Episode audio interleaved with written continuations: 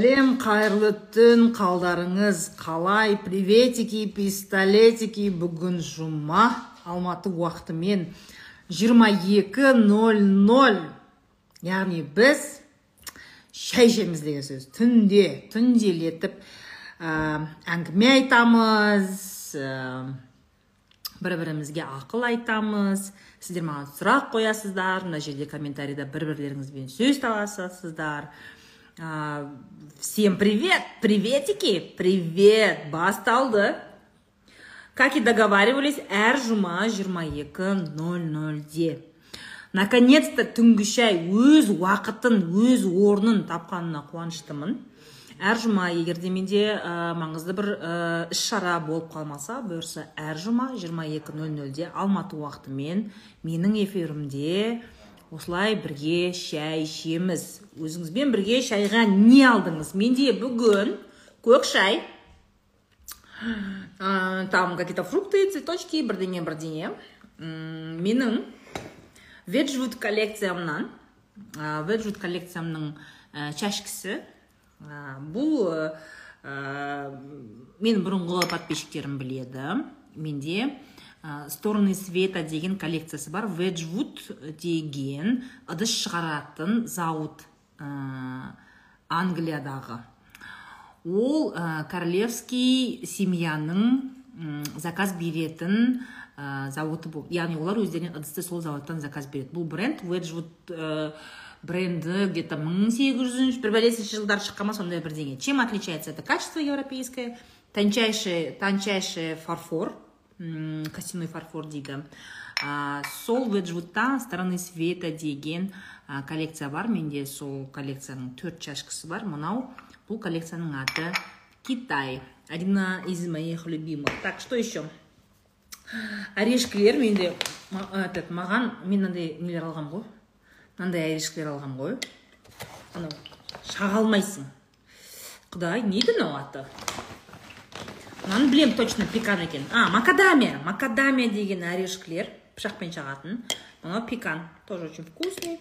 Грецкий орех все дела. Короче как мы как вы любите шайнаңдап отырып әңгіме айтамыз всем привет еще раз келіңіздер звук жақсы ғой да? Звук жақсы сияқты қандай тақырыптарды қозғаймыз? Түнгі шай ә, тікелей эфирі бізде көбіне қарым қатынас махаббат ә, күйеу жігіт бала тәрбиесі деген сияқты әңгімелерді қозғаймыз. Білесіздер менде бизнес разбор деген бөлек эфир бар. Ол жерде біз тек қана кәсіп туралы маркетинг менеджмент туралы айтамыз. Креатив реклама жайлы. Ал мына жерде өмір өмір еще раз өмір. Наконец то менің басымда кішкене бір система бір порядок пайда болды. Бұрын біз түнгі шайда бүкіл вопростарды бірге мыжып айта беруші едік. Қазір енді бөлдік. Иә кәсіпкерлер я не говорю что у кәсіпкерлерде проблема жоқ. Между прочим кәсіпкерлерде егер сен қарым қатынастағы проблемаңды шешпесең онда сенің кәсібіңде обязательно проблема болады. Сондықтан да смотрите все мои эфиры ананы да мынаны да көріңдер. Тағы да жаңалық түнгі шай ютубта. Мынау дейді менің телефоным бірдеңе деп жатыр түнгі шай ютубта одан бөлек барлық подкаст площадкалерде шығып жатыр қай жерде удобный болса сол жерден барып көрсеңіздер болады жұмыс жасамайтын еркекті қалай тұрғызамыз қай жаққа тұрғызасың жұмысқа ма таныстарың бар ма? Таныс арқылы бірдеңе қылып тұрғызсаң болады андай білмеймін папаңның достары сокурсниктері бірдеңе деп кіргізіп көреді. Біз қазақ бәрі де сөйтеді соны. Істе десең де сөйтеді істеме десең де сөйтеді. Жалпы күйеуім жұмыс істемейді деген әйелдер көбіне это ә, күйеуі әке шешесімен тұратын әйелдер. Ол сондай. Көбіне әке шешесімен бірге тұратын. Еркек ол жұмыс істемейді статистика бойынша.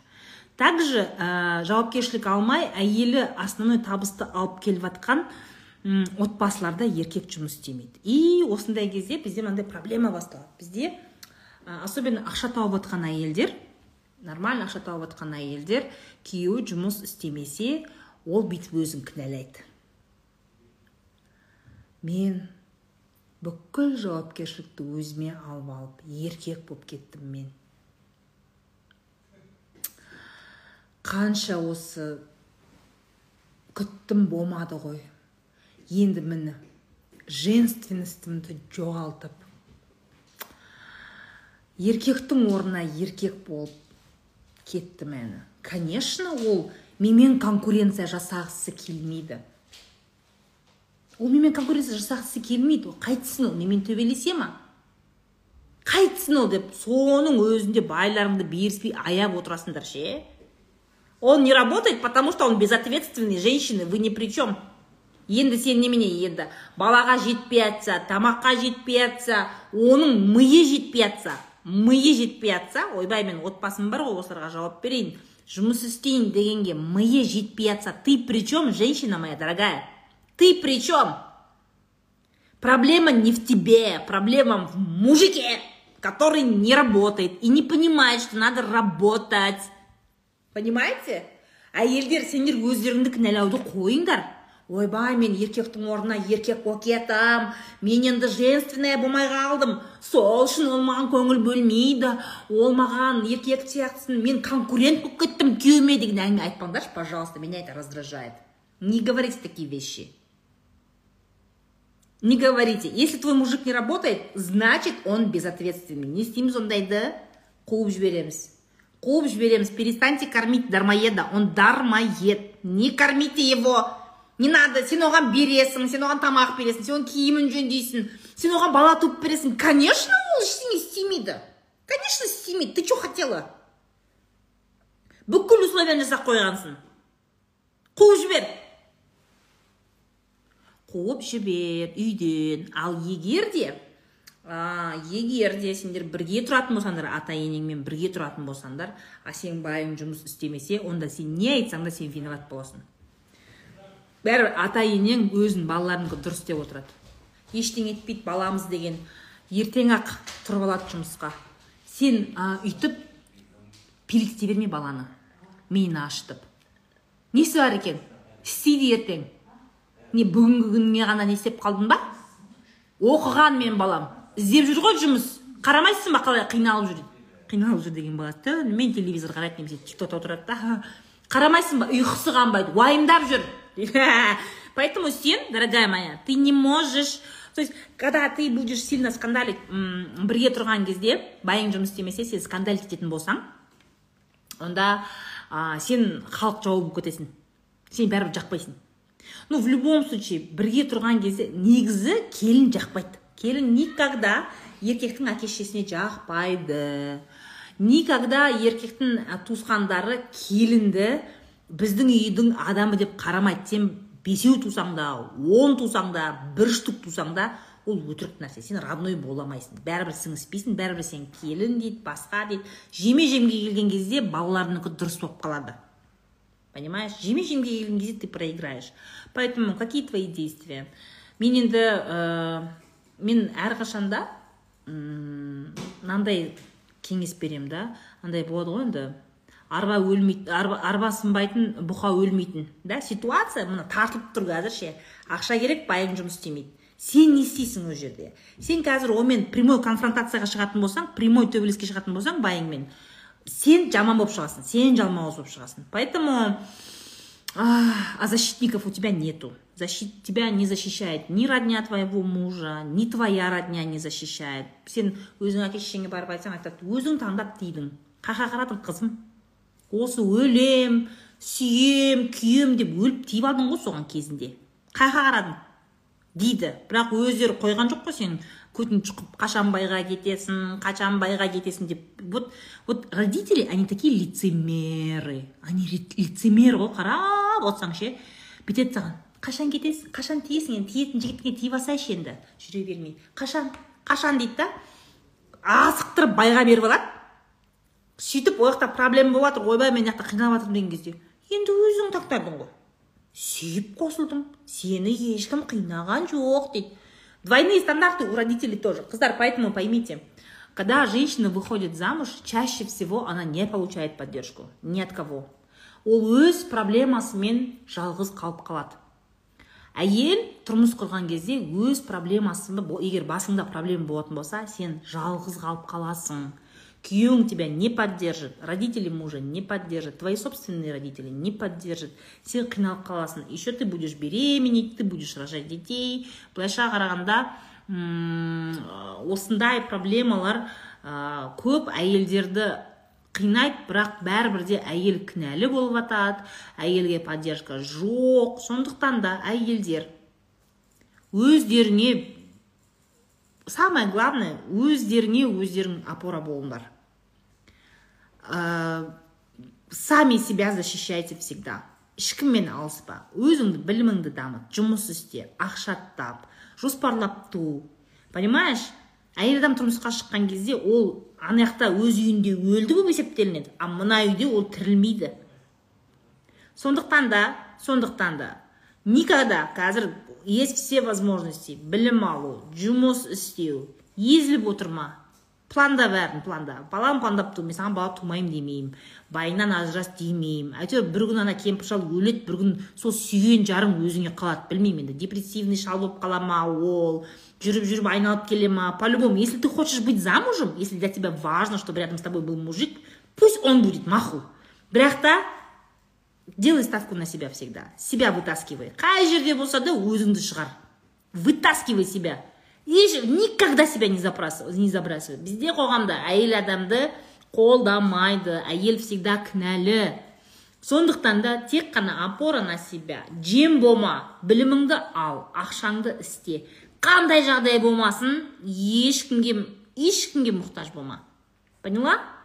Выходи замуж. Мен я не говорю что сен күйеуге тиген кезде там проблемалар болмайды емес болады проблема. Ты этого никогда не избежишь. Проблема по-любому болады хочешь ты этого или нет. Конечно күйеуге тимей тұрып проблемалардың көп проблеманың алдын алуға болады иә. Изначально дұрыс жігітпен жүріп изначально білім алып изначально жұмыс істеп ақша істеп десең саған осындай проблемаларды шешу оңай. Мысалы үшін сен жұмыс істеп ақша ұстап барып тиген келін болатын болсаң онша мұнша сен басыңа ешкім міне бермейді. А прикинь сен он жеті он сегізде мұрынбоқ өмір көрмеген оқу оқымаған қыз болып күйеуге тиетін болсаң ты никто. Келін и так никто бірақ сен никтоның ішінде енді білмеймін чемпионсың ғой император всех никто. Вы должны понимать в этом патриархальном мире девчонки а, этот мир он немножко не для нас. Пока что. Заман өзгереді я не говорю что өзгермейді пока что не для нас. Поэтому дайын болыңдар өздеріңе бекем болыңдар білімді болыңдар ақшалы болыңдар жем болмаңдар никогда. Понятно?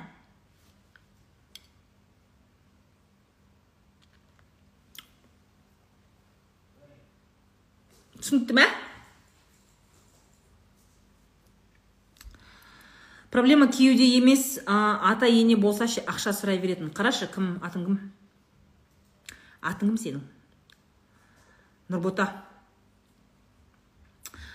Ә, вообще негізі келінде ата енемен проблема болмау керек. Келінде мысалы келін және ата ененің ортасында конфликт туындамау керек негізінде.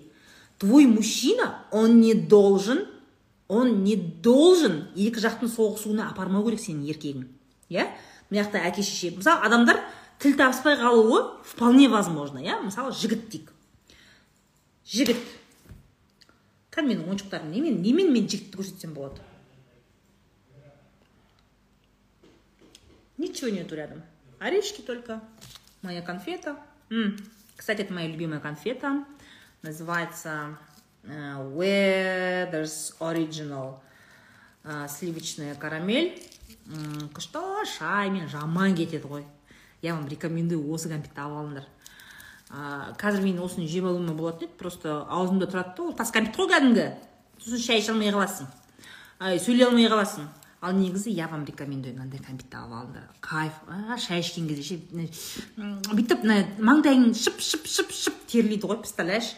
Рекомендую. Классная конфета продается на заправках больше всего. Білмеймін магазинде таппаймын. Казахойлдың заправкілерінде көптеген заправкілерде бар осындай күшті короче мәселе мынандай сен айтып жатрсың да проблема күйеуде емес бірге тұратын ата енеде дейсің ты опять таки выгораживаешь своего ангельского мужа. Қара еркек. Еркек вот он еркек. У него есть родители и родня. Иә артында бүкіл туысы бар оның бүкіл туысы бар и қасық мынау сен. Сен бүкіл туысыңды лақтырып жиырма жыл жиырма бес жыл отыз жыл бірге тұрған туысқандарың бәрін лақтырып бәріне до свидания деп ұзату айтып а деп жылап мына үйге келдің дұрыс па? Жылап сыңсу айтып келдің. Енді қара. Вот его родственники которые за ним это его ответственность. Это его ответственность. Понимаешь? Сен оның туысқандарына күйеуге тиген жоқсың сен мына жігітке күйеуге тидің. у тебя проблем проблем с его родственниками не должно быть это неправильно ене мындай ата мындай деген сұрақтың туындауының өзі это ненормально вот он должен этот вопрос решать мынау мынау мынау қақпасың бар ғой үндемей жатқан үйде тик ток көріп мынау диванда осырып жатқан мынау қақпасың сенің осы шешу керек бүкіл проблеманы мынау шешу керек Қарындасы бір бәле дейтін болса әке шешесі бір бәле дейтін болса это он должен решать эту проблему при чем тут ты сен вообще сен айтадан келген адамсың ғой бүкіл туысқандарын лақтырып келген адамсың ғой Сен, сен при чем? У тебя не должно быть проблем с его родственниками. Это он должен решать. Как-то ол? Как-то?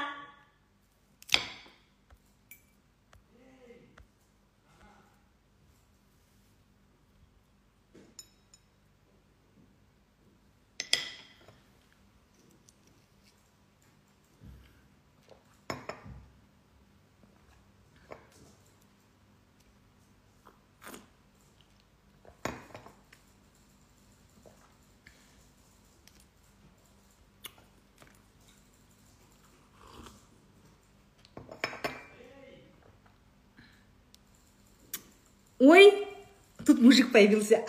Бектұрған не деп жатсың не деп жатсың ойбай не дейді? Еркектерді вечно жамандау әйтеуір. Ей сен кім бектұрған сен есің дұрыс па сенің? Сен өз туысқандарыңа өзің тұрып бере алмасаң сенде қалай семья болады? Өз туысқандарыңмен өзің сөйлесе алмасаң өзің туысқандарыңмен өзің коммуникация құра алмасаң қай, қай жағыңа еркексің сен? Кім бектұрған қай жағыңа сен? Сен қай жерің еркек? Анатомический еркек шығарсың бірақ сенің қылықтарың әдеттерің әрекеттерің еркектікі емес. Отырсың былжырап екі ортада мына жақта сенің туысқандарың қырылып жатыр мына жақта сенің сүйген жарың қырылып жатыр екі ортада ты делаешь вид как будто тебя нету жатасың ғой диванда иә осырып сол бүйтіп тик ток қарап сонда отырасың ғой сонда. Я не понимаю этих тупых мужиков которые друг друга этот еще сөйтіп отырып еще жабылады әйелге. Мен конкретно да қарашы мынау сенің туысқандарың өзің жауап бер. Мынау туысқандар бұлар неге қырылу керек десең?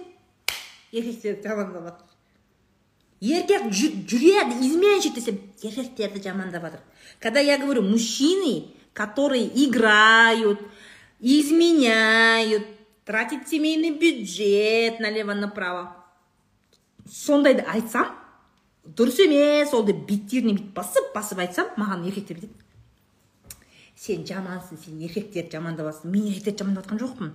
Это ты изменщик. Это ты деньги тратишь налево направо это ты безответственный за свою семью не отвечаешь. Ты за свою жену не отвечаешь. При чем тут я? Неге мен жаманмын мен түсінбеймін. Сен ғой? Қатынға баратын. Сен ойын ойнайтын. Я при чем вообще? Бектұрған нейроматиме жоғал.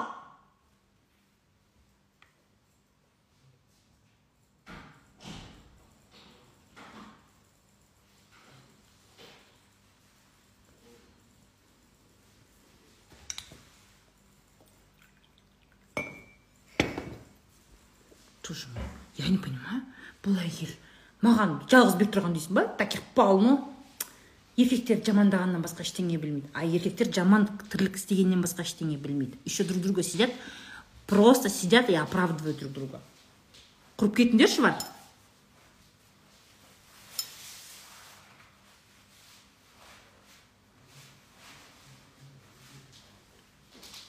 маған ешкім тиісе алмайды ғой салтанат маған тиісе алмайды ешкім.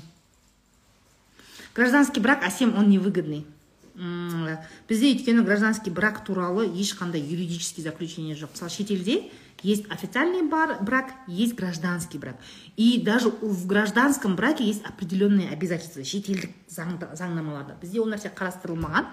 Сондықтан да всегда бүкіл проблема әйелге түседі әйелдің иығына түседі. Поэтому женщины девчонки вам гражданский брак вообще не выгодный сосын ана неке қидырған брак гражданский брак он вам не выгодный қыздар никогда не соглашайтесь на это закон не будет защищать вас в случае чего не будет защищать кім крайний сен крайний боласың еркек сразу көтіңе қатады кетіп қалды ол проблема- саған проблема басыңа түскен кезде он сразу свалит очень редко когда мужчины остаются рядом с женщиной и поддерживают ее до конца очень редко допустим даже вот смотри да м, в правилах предохранения.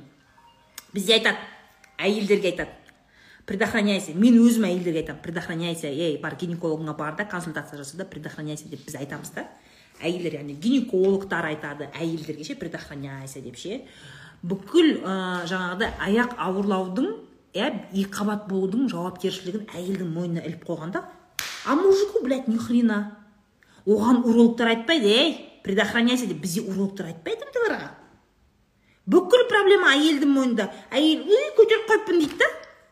Сосын тоғыз ай көтереді. Өзіне денсаулығы жоқ оба туылғаннан кейін ми ашып өзі түнімен емізеді тіс жоқ ана қатында шаш қалған там анемия все дела. Міне бала тумаса да анемия болып жүр. Сендер я даже не представляю что у вас там происходит блин. Енді қарашы сонда жаңағыдай да екі қабат болу баланы туудағы жауапкершілік түгел әйел- әйелде да еркек вообще как будто қатыспайды ни один уролог не говорит э ты предохраняйся деп айтпайды зато гинекологтар почему? Потому что изначально әйелдің мойнына іліп тастаған. Если происходит залет то ответственность на женщине не на мужчине. Это несправедливо, потому что в этом процессе участвовал мужчина тоже. И вообще, мен түсінбеймін қатындар сендер ғана бастарыңды қатыра бересіңдер по вопросам предохранения. Байлардың басын қатырыңдар. Айт пока ты не решишь как мы будем предохраняться иди нахрен. Никакого тебе. Жоқ саған. Бермеңдер пока он не будет с тобой эту ответственность разделять. Нефиг.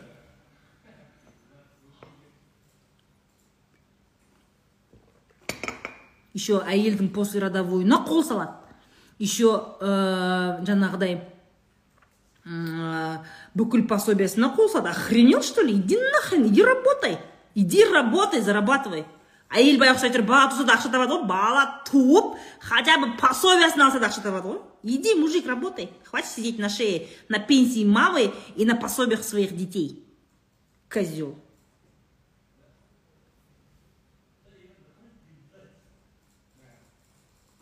Муж всегда обвинял меня, что я не могу забеременеть. Теперь говорит, делай аборт. Послал он нафиг мен барлығына жамандап отырады. Теперь забрал золото, что он купил, что делать, когда мужик как баба. Что делать? Блин, с бабами вообще... Он даже не баба. Әйелдер ондай қатыгез емес. Ол даже баба деп айтуға этот, не аузың бармайды бар ғой. Мал ол. Мал да. Жануар екеш, жануарды да аяйсың ғой мал деп айтуға ше неге сондай төмен болып кеткен еркектер? неге сондай болып кеткен? неғып майланып кеткен? неге сондайсыңдар? е қанды ішіп кеттіңдер ғой неғып ми кірмейді сендерге почему женщина все тащит? Почему вот отбасының отбасыдағы береке әйелде сен күйеуің дармайды болатын болса мынандай мал болса ше күйеуің мал болса қа- қай жақтан береке іздейсің қай жақтан береке іздейсің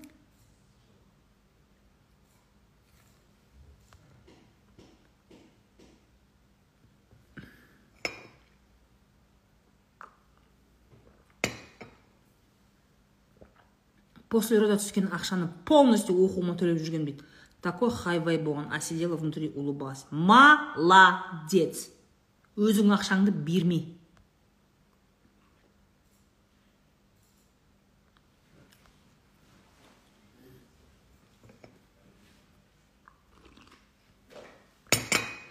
Раз уж они бүкіл ответственностьті әйелге беріп қоя ма? Берите на себя ответственность. Әйелдер я вот знаешь я все это время я год делаю эти прямые эфиры. Шаршап кетемін бар ғой шаршап кетемін потому что процесс не сдвигается вообще. Вообще не сдвигается. Ваших вопросов меньше не становится. Мужики как нападали на меня так и нападают. Қоймайды жаңағыда да бек тұрған сияқтылар ше қоймайды бәрібір сол әйел жауапты әйел жауапты. Біз ей бөліссе бізбен жауапкершілікті бізбен бөліссе десең нет нет нет нет нет. Әйел жауапты әйел дей береді да. Короче қыздар бөліспей от на лет. Бүкіл жауапкершілікті бытшын шығар. Екі аяғын бір етікке тық тық екі аяғын бір етікке өзінде бүкіл туысқандарында не ақша бермесе не жан жылуын бермесе не бала бағыспаса не ёпты вообще не адам сияқты сөйлейтін сөзі жоқ. Бір бәле болса сен виноватсың один только газлайт. Одна только манипуляция и абьюз. Ондай вообще ештеңе істемей ма? Бүкіл жауапкершілік сенің мойныңа арта ма? Ал атасына нәлет бытшын шығар. Бытшын шығар. Вообще не сопротивляйся типа. Бәріне әйел. Бәрі әйелге байланысты. Әйелге байланысты ма? Ехала қатындар. Ехала. Саған байланысты ма? Все устраивай взбучку. Не хрен да вот? Бәрі әйелге байланысты дейді. Бірақ әйелдің құқығын шектейді. Әйелді сөйлетпейді. Әйелден сұрамайды ештеңе. Әйелге көмектеспейді. Оның жұмысын көрмейді. Раз так? вы у меня попляшете маған байланысты ма я вам сейчас покажу понятно понятно сөйтіңдер қыздар сөйтіңдер дым қорықпа бәрі әйелге байланысты ма қолыңа ал бәрін екі аяғын бір етікке тық бәрін нечего никаких прав никакой свободы выбора бәрі әйелге байланысты екен все договорились қатындар Бәрі әйелге байланысты өзіміз істейміз нафиг. Нафиг они нужны? Никакой пользы от них.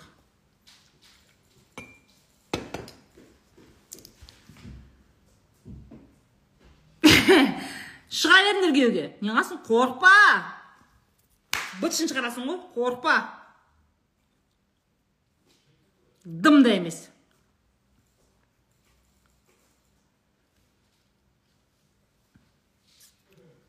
Коллега апай бар жасы қырықтан асқан. Вот сол бізге жастарға айтады ғой еркектерге екінші әйел әперіңдер айбай деп а тұқымы асыл ерлердің тұқымы көбею керек деп. Мен айтамын өз еркегіме бірақ еркегіме бірақ ол алмайды деп дейді. Фу поконя слушай мен бүйтіп айтайын саған жаңағыдай. Айттым ғой мен. Мен постоянно эфирде айтамын ғой. Ондай тәтелер бар бізде үлкен тәтелер бар да.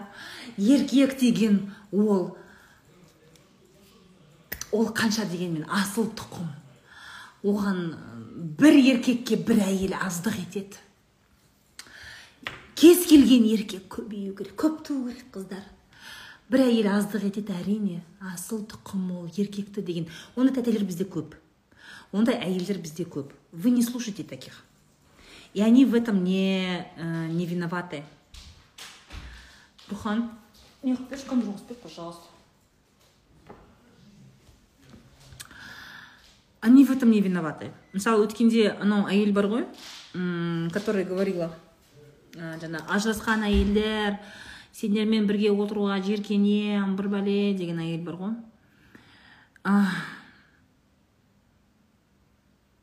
как можно ее обвинять? Оның өмірлік түсінігі сондай. Оны сөйтіп тәрбиеледі шешелері может күйеуі сөйтіп миын жеген шығар иә?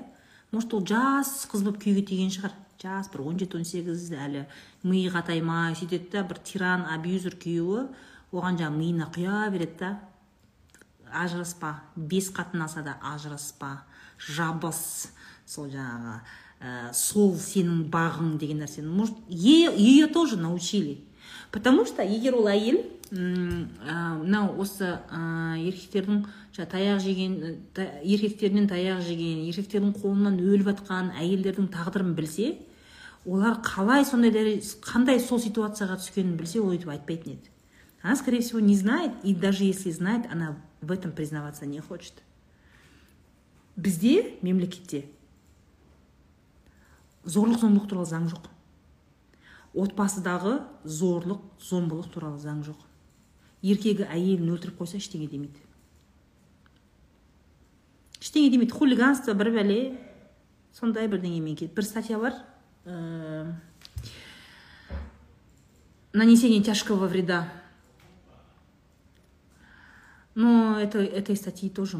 Ол статьяны барлық адвокаттар білмейді. И сондай статьямен, даже если сен сотқа беретін болсаң, возможно, прокурор даже ә, қарастырмауы да мүмкін. Әйел қорғансыз ғой қазір. Қорғансыз.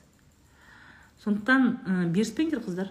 Беріспеңдер. Бізде әлі ондай заң жоқ. И ондай заң жоқ жерде когда ер адам әйелін ұрғаны үшін жауап бермеген ортада жаңағыдай ә, әйелге шыда ұрса да кетпе өміріңді еркекке арна деген нәрсе ол қалмайды. Жаңа айтып ғой жаңа асыл тұқым деп бір бәле деп жатыр деген сияқты. Эти женщины их так воспитали. Они в этом не виноваты. Осы мен айтамын ғой әйелдің жауы әйел деп. Это факт.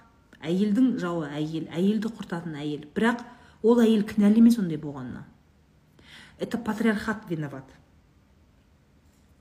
Еркекті жоғары дәрежеге шығаратын еркектер виноват.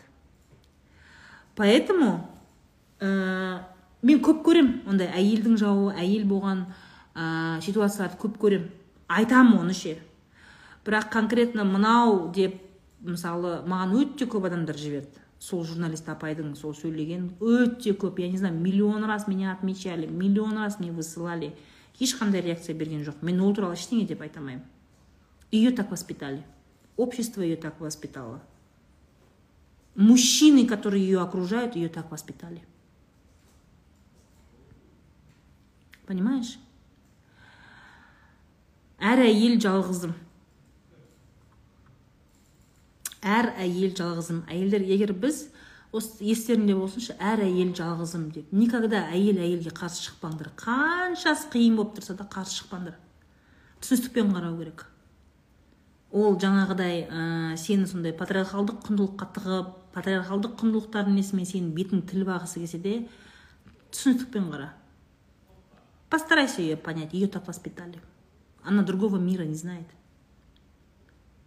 Оның басында басқа әлем жоқ. Бізгер әйелдер егер бір бірімізге қырылыса берсек еркектер бізді никогда ә, тең гендерлі деп қабылдамайды. Біз егер бір бірімізге қырылыссақ бізде теңдік орнамайды. Мы всегда будем бороться за свои права против мужчины.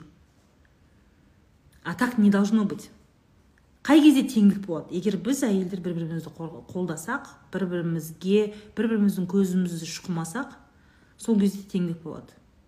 Еркектердің провокациясына түспеңдер патриархат делает все чтобы женщины друг с другом соперничали ради мужика. Потому что измена болған кезде байқайсыңдар иә измена болған кезде әйел бірінші болып не істейді любовницадан көреді немесе өзінен көреді вот изменил мужик. Мужик изменил. Ана қатын ана қатын басын айналдырып алды деп айтады бір әйелдер. Немесе айтады бұл мен кінәлімін это я виновата. Мен оны жақсы әйел болмадым жақсы келін болмадым мен оған жан жылуын бермедім деп әйел бірінші болып өзін обвиняет немесе ана қатынды обвиняет но мужика не обвиняет. Потому что патриархат патриархат. Әйелді бір бірімен қырылыстырады чтобы өзін жоғары қою үшін. Еркектер сондай нәрсеге үйреніп алған сондай манипуляцияға үйреніп алған соны дұрыс деп айтады. Олар сол үшін сендерге келген кезде бүйтеді.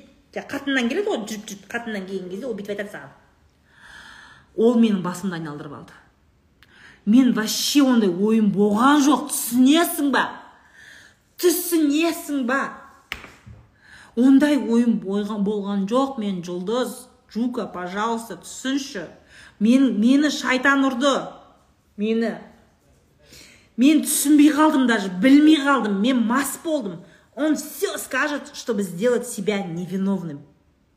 И он сделает все, чтобы ты почувствовала соперничество с другой женщиной.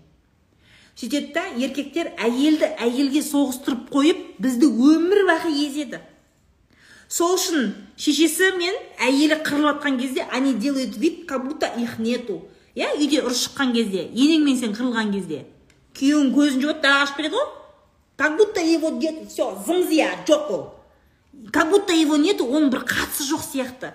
Почему? Потому что мужчины они всегда всегда рады что за них дерутся женщины. Неважно мамасы мен сестрасы әйелі мен ә, енесі неважно. Главное чтобы за него дрались. Ол ол өзін титульный гендермін деп ойлайды. Иә өзі өзі екі гендер бар иә әйел және ер. Екі гендердің бұл өмірдегі құқығы бірдей. Бірақ еркек өзін жоғары қойғысы келеді. Не арқылы? Әйелдерді бір бірімен қылыстыру арқылы. Поэтому бір бірлеріңе жау болмаңдар. Егер әйел түсінбей жатса сенің жаныңды. Значит ол білмейді түсіну керек екенін. Ода значит білім, білім жетпейді деген сөз. Ренжіме. Потихоньку түсінеді. Мир поменяется. Я не успокоюсь. Осы аузым жабылғанша өліп кеткенше осы әңгімені айтамын мен. Көресіңдер осыдан. Никогда не перестану с этим бороться. Женщины и мужчины это равный гендер. Каждый имеет право на, на равное образование, равную жизнь, равный выбор. На все имеет право. әйел тең өзіңдер өліп кетіңдер еркекпен тең дым ешқандай кемшілігі жоқ. Я не перестану об этом говорить. Сепарация туралы айтыңызшы. Жадыра хороший вопрос. Хороший вопрос. Сепарация нужна мужчинам. Сепарация нужна мужчинам неге? Потому что қызға қызға неге бізге қыздарға сепарироваться легче? Потому что қыз туылады да. Оған айтады қыз жат жұрттық қыз жат жұрттық сен ертең кетесің ей сен ертең кетесің деп тәрбиелейді қызды. Ал жігітке айтады сен кетпесің сен менің қасымда отырасың өлгенше сен менің қасымда отырасың дейді да. А он же тоже же такой ну пустоголовый долбоеб блин. Ол да а маған кетпе деп айтты мен де отыра беремін. И он не сепарируется. Не сепарируется. И на самом деле мужчина который не, сепа, не сепарирован он не живет свою собственную жизнь. Ол өзінің өміріне жауап, жауапкершілік алмайды. Ол жұмыс істесе жұмыста өспейді. Әшейін өлгеннің күнінен әйтеуір амал жоқтан өлгеннің күнінен барып келеді жұмысқа. Но он работать не будет, он расти не будет, он не будет деньги зарабатывать. Потому что сепариров... не сепарированный мужчина, не сепарированный мужчина, это амеба. Амеба. Сепарация деген әке шешесінен бөлек кеткен адам. Онда басталды ғой. Айсәуле, енді кірдің бе?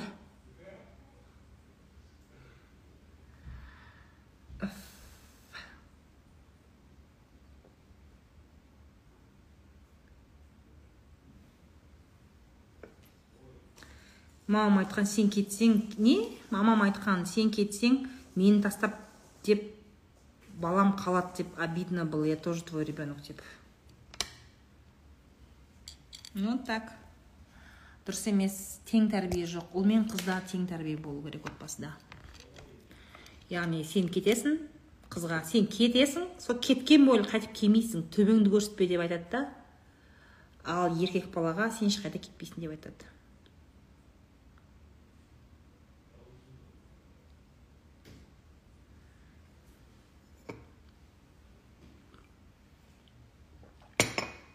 Поэтому бізде еркектер это маменькины сыночки. Мамина сыночка, мамина.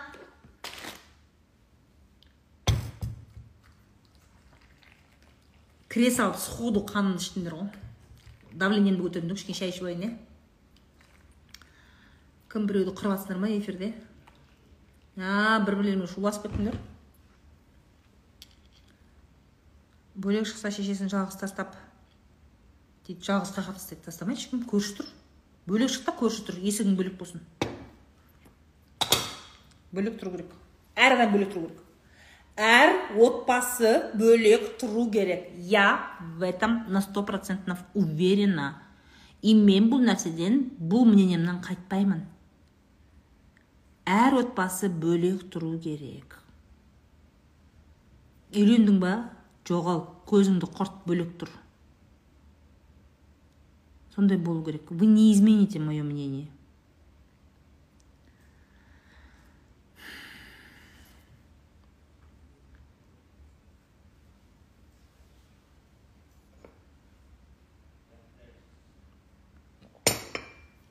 күйеуімді манипулировать анау мынау. Қай жылғысың сексен төртпін жеканың тойы дейді ма? Бүгін ойбай құтты болсын. Бағы ашылсын.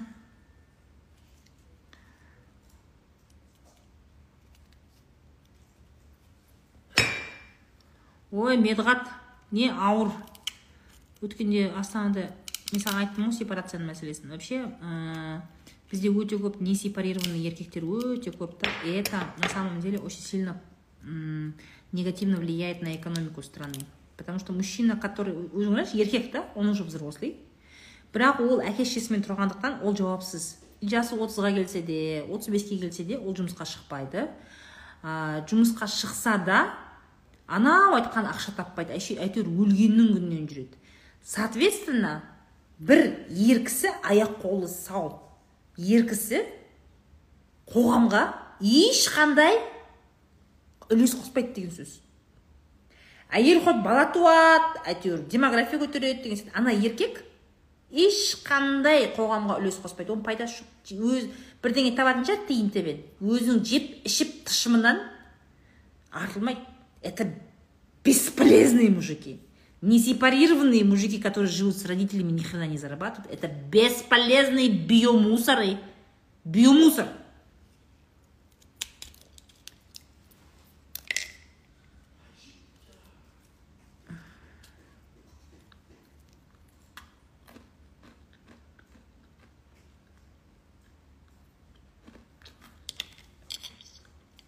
Бывший муж общий долгты төлемейді еще алимент төлемейді что делать ә, подай в суд сотқа берді бүкіл счеттарын арестқа салып таста тапса тапты таппаса самое главное сен өзің жұмысын істей берді бірақ оны сотқа беріп бүкіл счеттарын арестқа қойып таста пока саған бәрін төлемегенше ше бір юрист алды да екі аяғын бір тығып қойсай мына заманда без карточного счета без банковского счета жить очень сложно. Рано или поздно төлейді главное бүкіл счеттарын бүкіл банкте ешқандай карточка аша алмайтындығын блоктап таста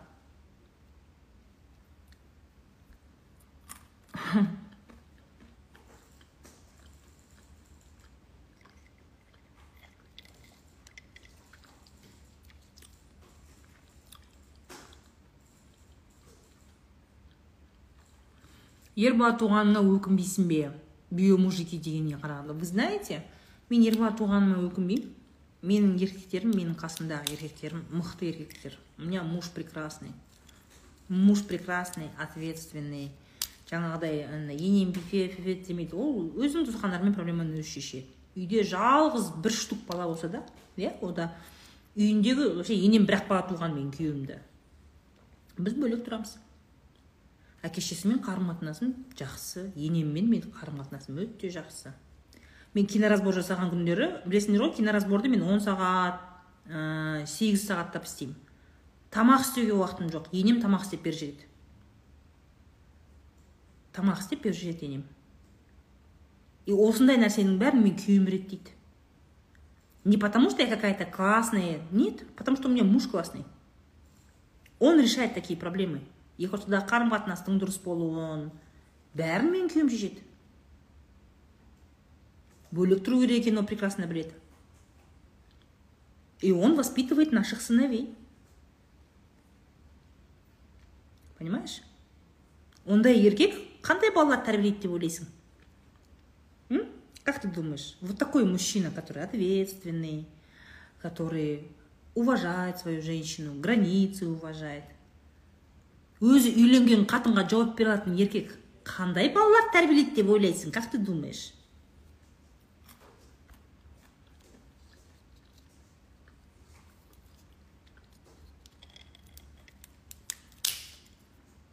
Бізде сен көбісі бізде көп еркектер до того слабый ғой әйелі мен шешесін қырылыстырып қойып қашып жүреді үйден.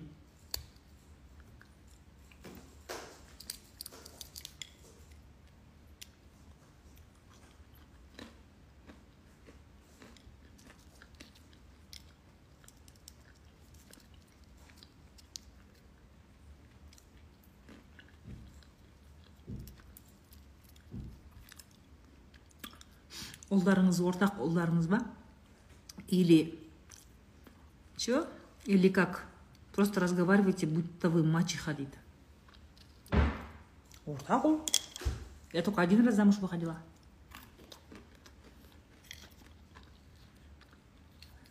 Менде екі ұл. Бүгін осы үшін мені танымайтындар келген ғой эфирға иә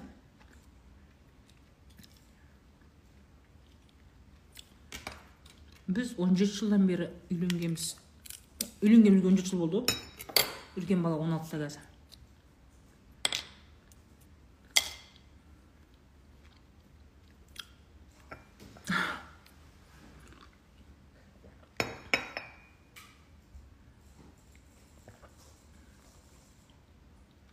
ондайлар да бар шығар бірақ көрмеппін сондай еркектерді қандай еркектерді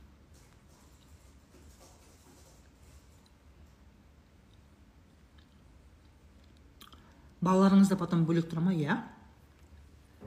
Конечно. Я хочу со своим мужем жить.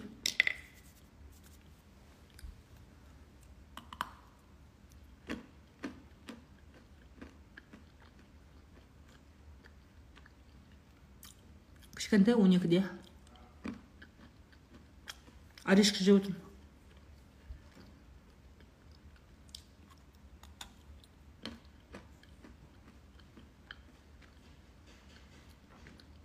Да, правильно делаешь, Гульмира.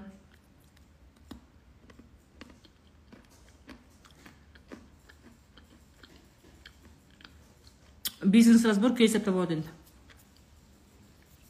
да келесі апта атырауға барып келген кейін болады понедельник вторник күндері мен атырау және атырау облысындамын понедельник күні атырау қаласында. Вторник күні құлсары мен мақатта боламын сол жаққа келіңдер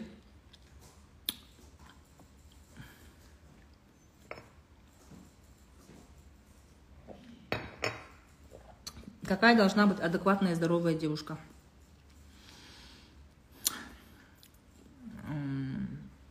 Она должна во-первых быть самостоятельной зарабатывать себе деньги сама обеспечивать себе сама ответственность брать на себя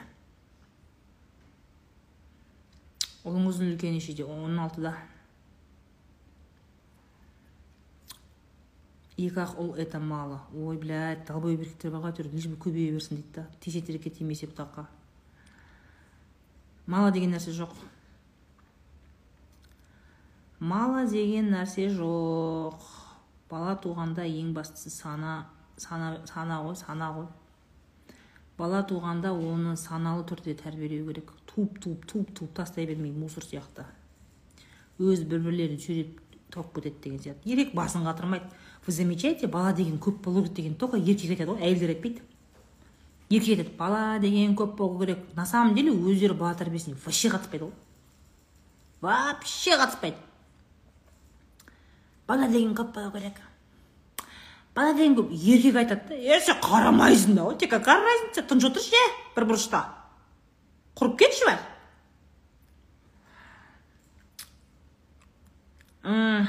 атырау қаласында болады. И білмеймін ана постта бар қараңдаршы. Точно білмеймін екі ұл дейді. Күшті.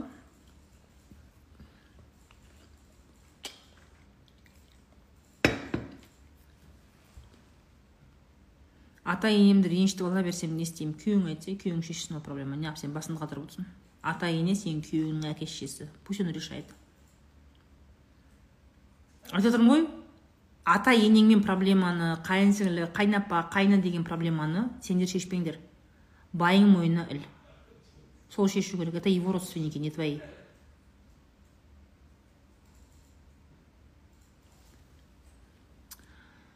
Роза ханым сөз ұқпайтын әйелдер жайлы ойыңыз. Мен дәрігер болып жұмыс жасаймын. Жұмыс барысында мама не? деген әйелдер келеді. Көкбет сөз ұқпайтын дейді. Дұрыс айтасың бауке? Дұрыс айтасың. Дұрыс айтасың. Надандық мысалы да сен енді дәрігер болған кезде сен әйелдермен жұмыс істейтін дәрігер шығарсың. Сен еркектермен жұмыс істейтін дәрігер болатын болсаң хуже ғой баукен. Хуже ғой. Во первых бармайды врачқа өліп қалғанша еркектер. Өзінің денсаулығына наплевать. Во первых бармайды. Во вторых элементарно уколдан қорқады ғой. Әйел хотя бы туады ғой она же народу ходит баукен мужики в своей өзінің долылығында өзінің безответственность өзінің топастығында они еще әйелді орап алып кетеді. Орап алып кетеді. Ты наверное просто работаешь с женщинами попробуй поработай с мужчинами посмотришь. Бизнес разбор ше ә, оның күнін әлі қоя алмай жатырмын негізі былай жасамақшымын. Әр жұма ә, әр жұма сағат онда түнгі шай. Ал бизнес разбор скорее всего будет каждый вторник сағат он екіде күндіз. Кешке қарай ә, мне сложно что бизнес разбирать күндіздің өзінде шаршап қаламын.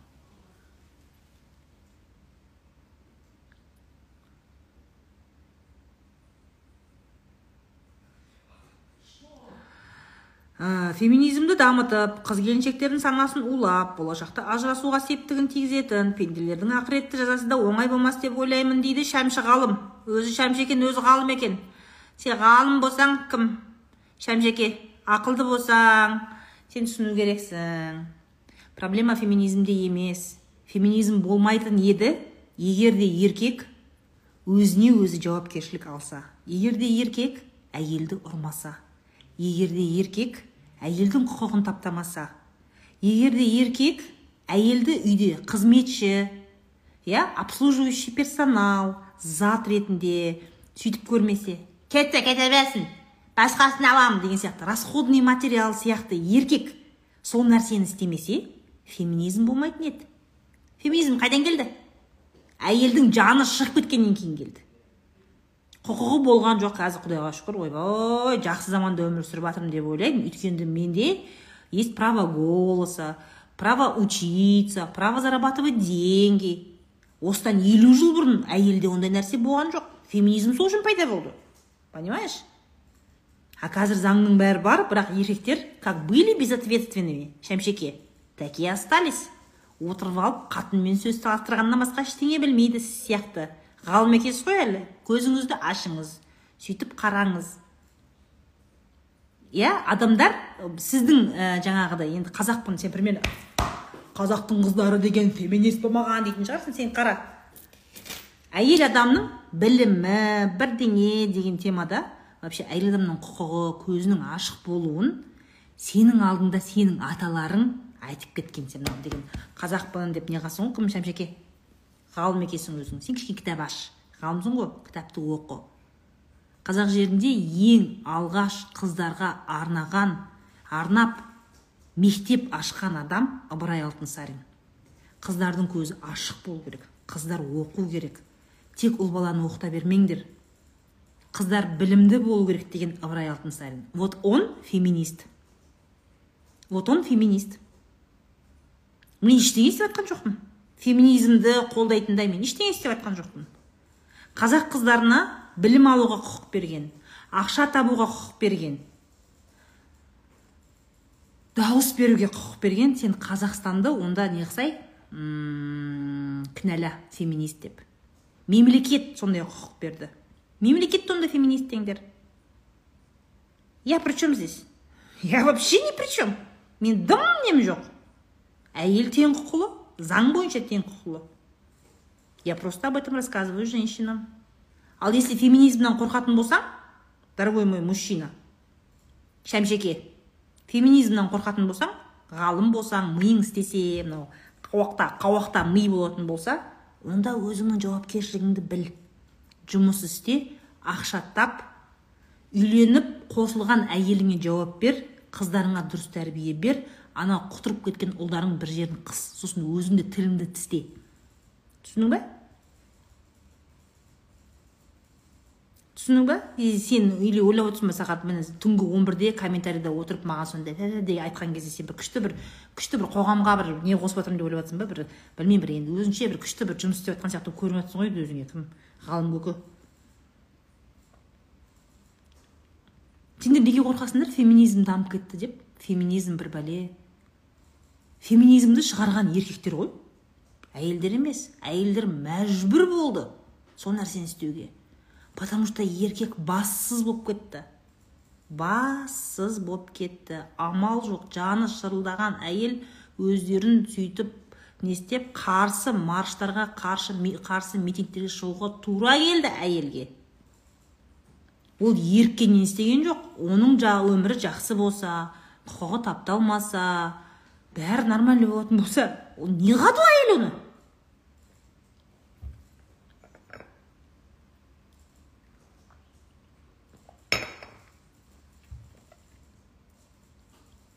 Мужики сами породили феминизм. Тот феминизм, которого они боятся, они сами его придумали. сондай нәрсенің болуына өздері алып келді өздері кінәлі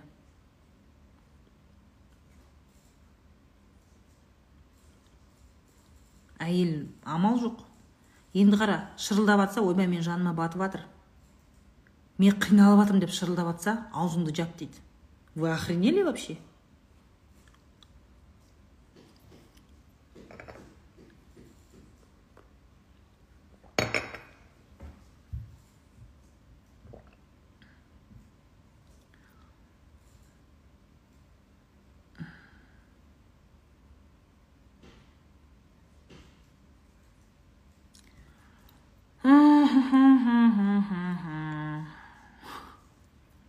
Шығады тик токқа бәрі и так өзі.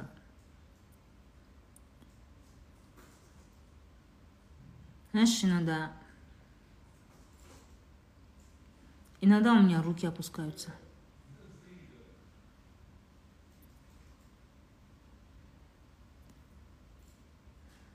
Осындай таусылмайтын надан еркектердің сөздерін көргенде күйеулерінен теперіш көріп жүрген әділетсіздіктің жемі болып жүрген әйелдердің саны таусылмай жатқанда зорлық зомбылық туралы заң қабылдамай жатқанын көрген кезде күнде көресің ғой былай кезде байқамайсың бірақ иногда ше шаршап кетемін ше. Неге ештеңе өзгермейді. Айтып жатырық айтып жатырық тик токта менің видеоларым 5 миллионнан астам лайк жинайды.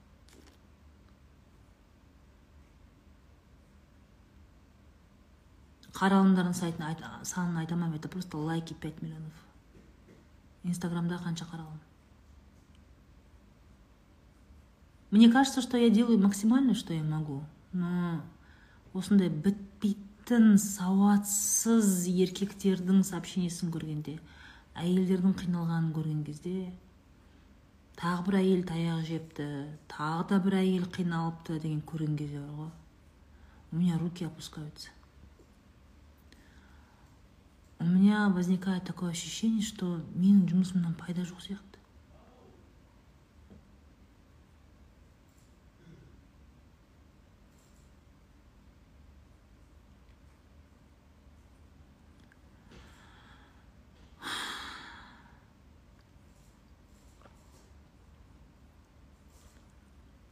меня просто руки опускаются.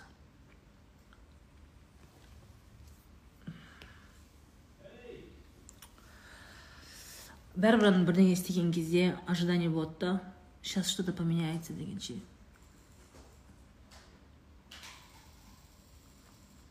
но потом ты видишь что вот этого трэша много много все равно много много много много много вообще негізі ә, проводили исследования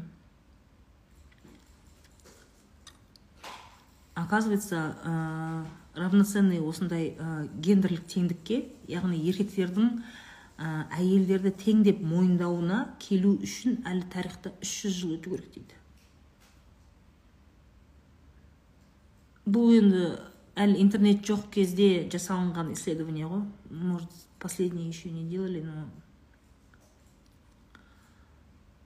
у меня руки опускаются если честно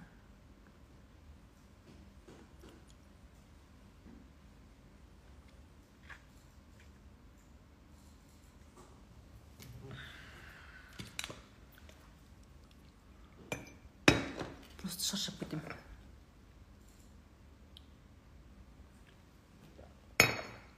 уже боқтайын десең күшің қалмайды ғой. Мынандай зерттеу оқыдым да. Әр мемлекетте мынандай коэффициентпен қарайды екен. Ең әлсіз жандардың қорғанышы иә қорғаны соны қорғау системасы қалай құрылған болса ә, сол мемлекет қауіпсіз дейді. Әлсіз жан деп это они говорят про животных даже не про людей. Прикинь андай мемлекеттерде где андай мысық итқа, итке тиіспейтін оларға қоғам мүшесі ретінде қарайтын мемлекеттерде адам құқығының адамның құқығының дәрежесі жоғары екен. Бізде ит пен мысықты атып тастайды ғой.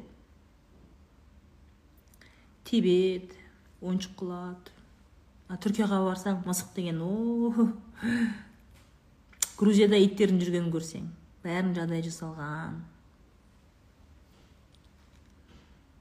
Біз қайдағы жануарды айтамыз бізде әйелдер жылына 400 әйел күйеуінің қолынан өледі.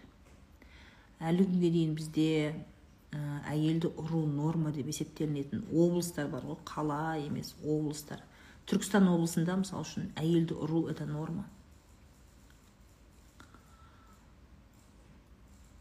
әйелді ұруды норма көретін қоғамбыз ғой біз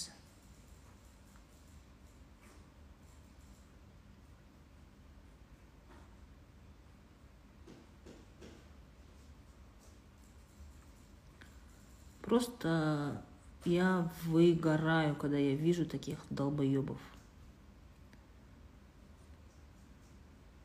Білімсіз еще еркектер білімсіз ғой небір кітап оқымайды сауатсыз салақ байқайсыңдар ма еркектер жаңа өткенде ана рилста күліп жатыр ғой бәрі ше күйеулерінің артынан жүреді ғой е жуын ше е қырын ше е тырнағыңды алшы деп ше салақ қой сонда ше бытовые инвалиды. Сауатсыз салақ бытовой инвалид. И при всем при этом басымды төрге сүйеді еще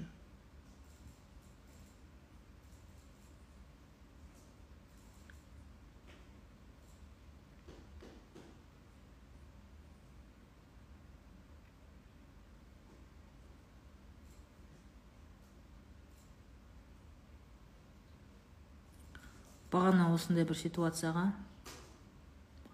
Осы әйелдің құқығы тапталған әйелді мазақ қылған әйелдің дәрежесін төмен түсірген бір ситуацияда жаман қырылдым. Жаман қырылдым. Вообще мен эмоцияма не қылған жоқпын контроль жасаған жоқпын.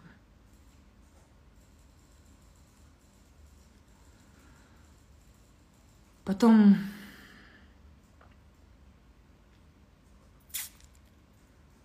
Потом села в машину и немножко подуспокоилась. Немножко подуспокоилась, потом думаю, ну такая злость, знаешь, бывает же қолыңнан дым келмейтін ситуация болады ғой ашуланасың ашуланасың бірақ қолыңнан дым келмейді да иә отырып алып жынданып отырған бір кезде машинада отырып алып өзім отырып алып жыламаймын ба? Сондай ситуацияны көріп тұрмын ғой. Әйелді қорлаған мазақ қылған ситуацияны көріп тұрмын да. Машинада отырып алып жылаймын ғой жаңағы. И сол кезде отқанмын ғой енді. Жылап сол кезде біреу звондайды. Маған ше. На автомате просто баса салдым да. Сөйтсем бір газеттің журналисті кешкі сағат жеті кез ба сегіз кез ба газеттің журналисті. Бүйтеді сәлеметсіз бе мен пәленшеева пәленше едім мынандай газеттен. Келесі апта келесі аптада біз отбасы күнін тойлаймыз ғой. Сол сіздің мнениеңізді білейін деп едім. Отбасы құндылықтары жайлы отбасыдағы әйелдің орны жайлы не айтасыз дейді. Мен уже жынданып ана жерде жылап отырғанмын анау не то уақытта звондап қалыпты жаңағы әйел ше вот не то звондап қалды да жалпы қоғамдағы әйелдің орны отбасыдағы әйелдің орны туралы не ойлайсыз деп ше? Не то вообще да өзі журналист. Сол туралы ә, жаңағыдай мен газет статья жасайын деп едім дейді да. Не айтып отырсың сен? Она знаешь она вообще попала не вообще я говорю не айтып отырсың сен не деп жазасың сен хорошо мен саған қазір айтады екенмін әйелдің қоғамдағы орнын мен саған айтып беремін хорошо айтып берейін саған шындықты айтып берейін бай жұмыс істемейді еркек жұмыс істемейді шешесінің артына тығылып отырады әйел өз проблемасымен өзі жалғыз қалады. Бала ауырса әйел сүйрейді. Байы жұмыс істемесе бәйім жұмыс істемей жатыр. Мен оған қандай мотивация берсем болады деп оған да әйел жүгіреді. Бүкіл проблема әйелдің орын әйелдің мойнында. Бүкіл проблема. Женщина абсолютно одна со своей проблемой. Ей никто не помогает. Күйеу көмектеспейді ата ене көмектеспейді әке шешесі болды сен біз үшін өлдің деп айтады. Әйелдің қоғамдағы орны жоқ таппай ойбайлап жүрген жоқ па шашын жұлып жылап? Міне саған шындық. Жазасың ба осыны газетке осыны жазасың ба газетке? Өзі әйел журналистка она еще женщина я говорю сенің бастығың құдай біледі еркек сен ертең сол менің айтқанымды жазып барасың ол ертең айтады болмайды бұл статья жаз. Не болса да байыңа жабысып өл не болса да ішсе де кешір қатынға барса да кешір тіпті болмай жатса сол қатынды әпер қатындыққа жағдайын жаса деген нәрсе жаздырады саған отбасы құндылығы деген темада. Менің айтқанымды бір беріп жазады деп отырсың ба жазады деп ба? Жаздырмайды саған. Сен бастығың еркек па десем иә еркек дейді. Жаздырмайды. Немеге маған звондап жатсың немеге маған звондап жатсың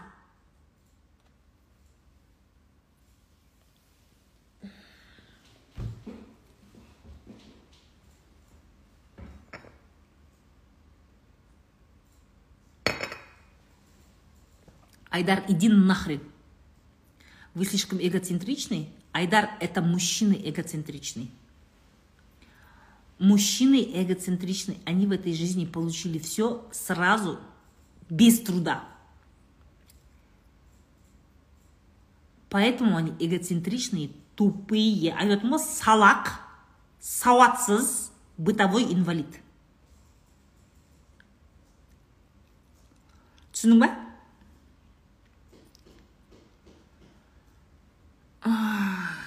сөйтіп жаңағы журналист өзі звондағанына өкініп кетті. А мен ішімдегіні айтып алдым?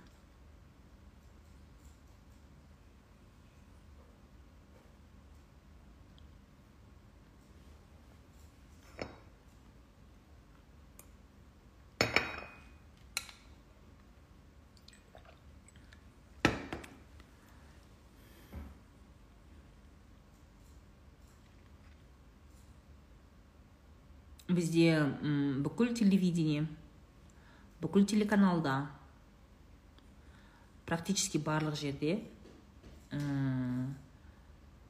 еркектер бастық біріншіден. Әйел бастық болған жерде спонсор еркек яғни ақшаны еркек төлейді. Сондықтан да олар телевизорда айтылатын контентте телевизорларда жаңалықтарда барлық жерде еркекке ыңғайлы нәрсе ғана айтылады. Ал әйелге үндеме шыда. Бәріне көн ол еркектің еркелігі ертең сен жеңесің деген нәрсе айтылады агитация везде. Бүкіл телевидение сондай. Потому что как я уже говорю бүкіл телевидение кинода барлық жерде. Режиссерлар сценаристер спонсорлар еркектер. Даже если әйел болатын болса ол жерде әйелдің қолы қысқа. Былай жасайық деген кезде не пропустит? Потому что ол спонсорларға бастықтарға еркектерге жақпайды. Понимаете?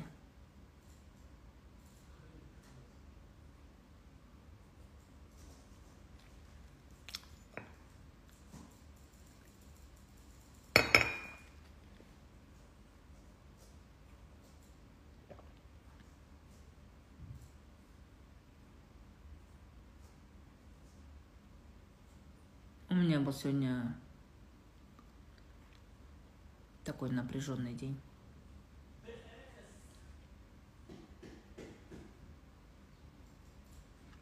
бәрібір қанша дегенмен мысалы мен бір өзімнің определенный әлемімде өмір сүремін да мен ешкімге бағынышты емеспін мен кәсіпкер ретінде налогымды төлеймін өзіме өзім бастықпын командамда менде елу де елу жігіттер де бар қыздар да бар менде командада ондай ә, сексизм жоқ. Сексизм жоқ мен сексизммен бетпе бет келмеймін. Поэтому мен араласатын ортамда ондай жоқ. Күйеуім ондай емес бала шағам достарым таныстарым ондай емес та. Мен бір определенный бір ақпараттық капсуланың ішінде өмір сүремін ше. О том что там происходит вообще в ваших домах происходит сендердің үйлеріңде жаңағы күйеулеріңнен таяқ жейтіндерің енеден таяқ жейтіндеріңді оның бәрін мен тек осы жерден білемін. Сендердің ә, комментарийлеріңнен білемін сендердің хаттарыңнан білемін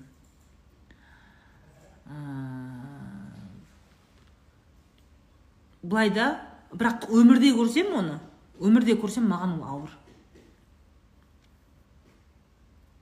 Ондай бассыздықты сексизмді әйелге деген зорлық зомбылықты мен өмірде бетпе бет көрсем ә, мен сынып қаламын сразу. Понимаешь?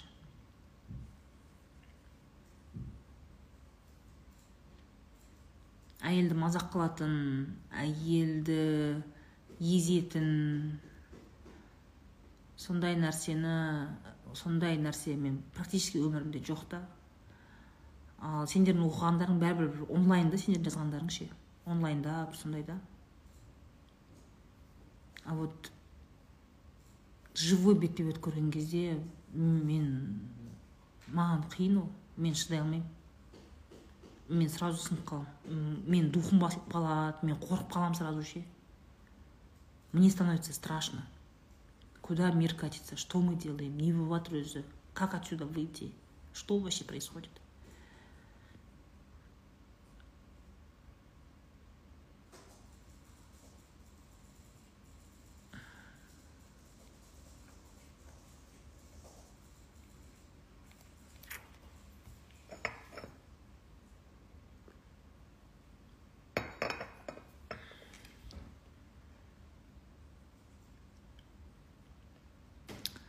Знаешь маған жазады ғой қыздар.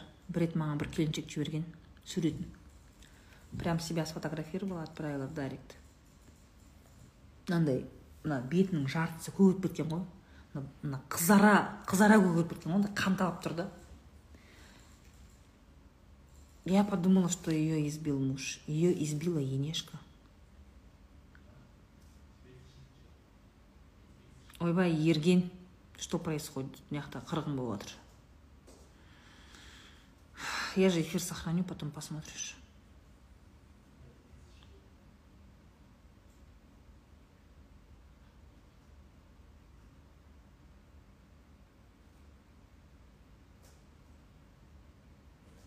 Мен ешкімді блокқа жібермеймін. Именно осындай топас еркектерді мен блокқа жібермеймін. Жаңағы шәмші айдар деген сияқтыларды они от меня не отстанут я знаю. Олар менен қалмайды олар өстіп менің эфирлерімді тыңдайды. Мән бермеңдер. Эфирлерімді тыңдасын миларына құйсын. Бұл әлемде ең заразный вирус это идея. Бір тыңдайды екі тыңдайды үш тыңдайды он тыңдайды он бес тыңдайды жиырма бес рет тыңдайды. Бұлар мен бұлар вот эти вот мужики комментаторы да негативщики. Они от меня не отстанут потому что им делать в жизни нехрен. істейтін тірлігі жоқ қой мені тыңдайды тыңдай берсін бір күні түсінеді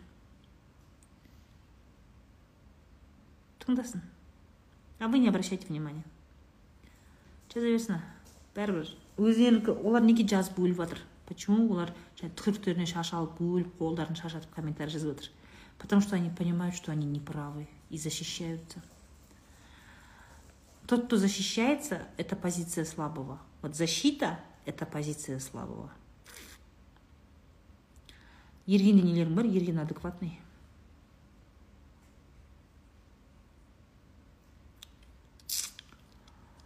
А жаңағы топас еркектер топас еркектер. Отыра берсін олар бүйтеді ғой еще.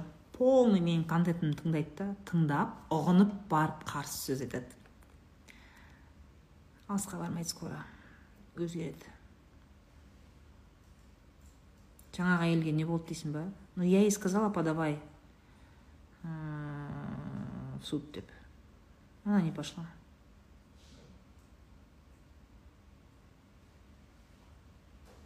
Міне моя ене в молодости умерла от рук своей енешки и мужа. Күйеуім тірі жетім дейді вот. Я же вам рассказывала когда я вот про вот эту статистику рассказывала да то что жылына төрт жүз әйел күйеуінің қолынан өледі деп ше? Сол кезде бір келіншек историясын жазды ғой дәретке көршісінде болған ғой сондай. Көршісі әйелін ұрып өлтіріп қойған ғой. Үйінде бүкіл туысқандары бар. Жаңағы шешесі еркектің шешесі туған туысқандары жаңағы бауырлары бәрі бар ғой. Үйде тұрады үлкен үйде тұрады екен да сөйтіп әйелін ұрып кәдімгі өлтіріп қойған ғой. Прикинь? Это как нужно бить человека? Чтобы вот кулаками убить. Әйелін өлтіріп қойған. Сөйткенде даже қаймықпаған ғой. Он захотел ее закопать во дворе. Он захотел ее закопать во дворе. Представляешь какой он вот.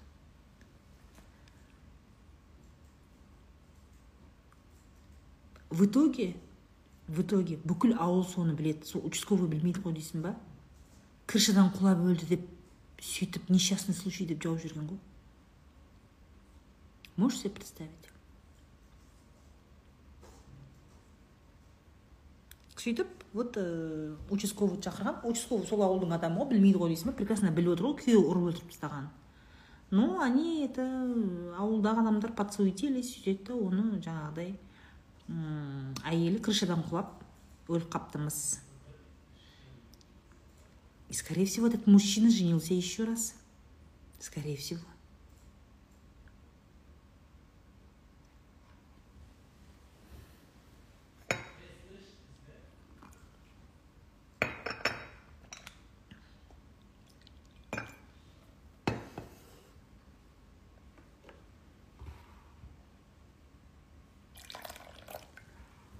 Өткенде сол эфирде маған бір қыз сұрақ қойды ғой роза ханым вот говорят я слышала что брак не выгоден женщине. Это правда деп я говорю это правда это правда. Брак женщине не выгодный пока что. Егер ә, таңдаған ер азаматың ә, саған қорған болмаса саған қорған болмаса сенімен дос болмаса сені тең көрмесе онда сен үшін ол неке қауіпті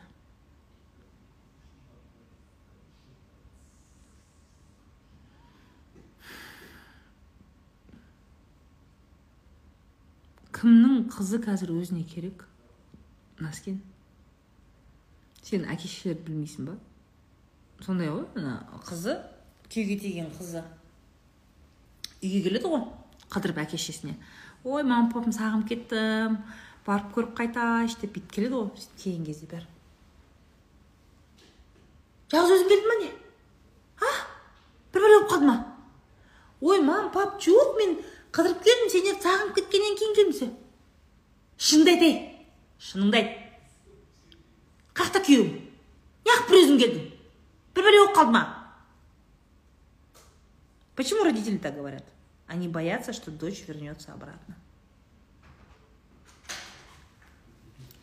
қазір әке шеше қыздарын қорғағысы келмейді. Қазір қыз өсіріп отырған мамалар папалар үйтіп істемеңдер.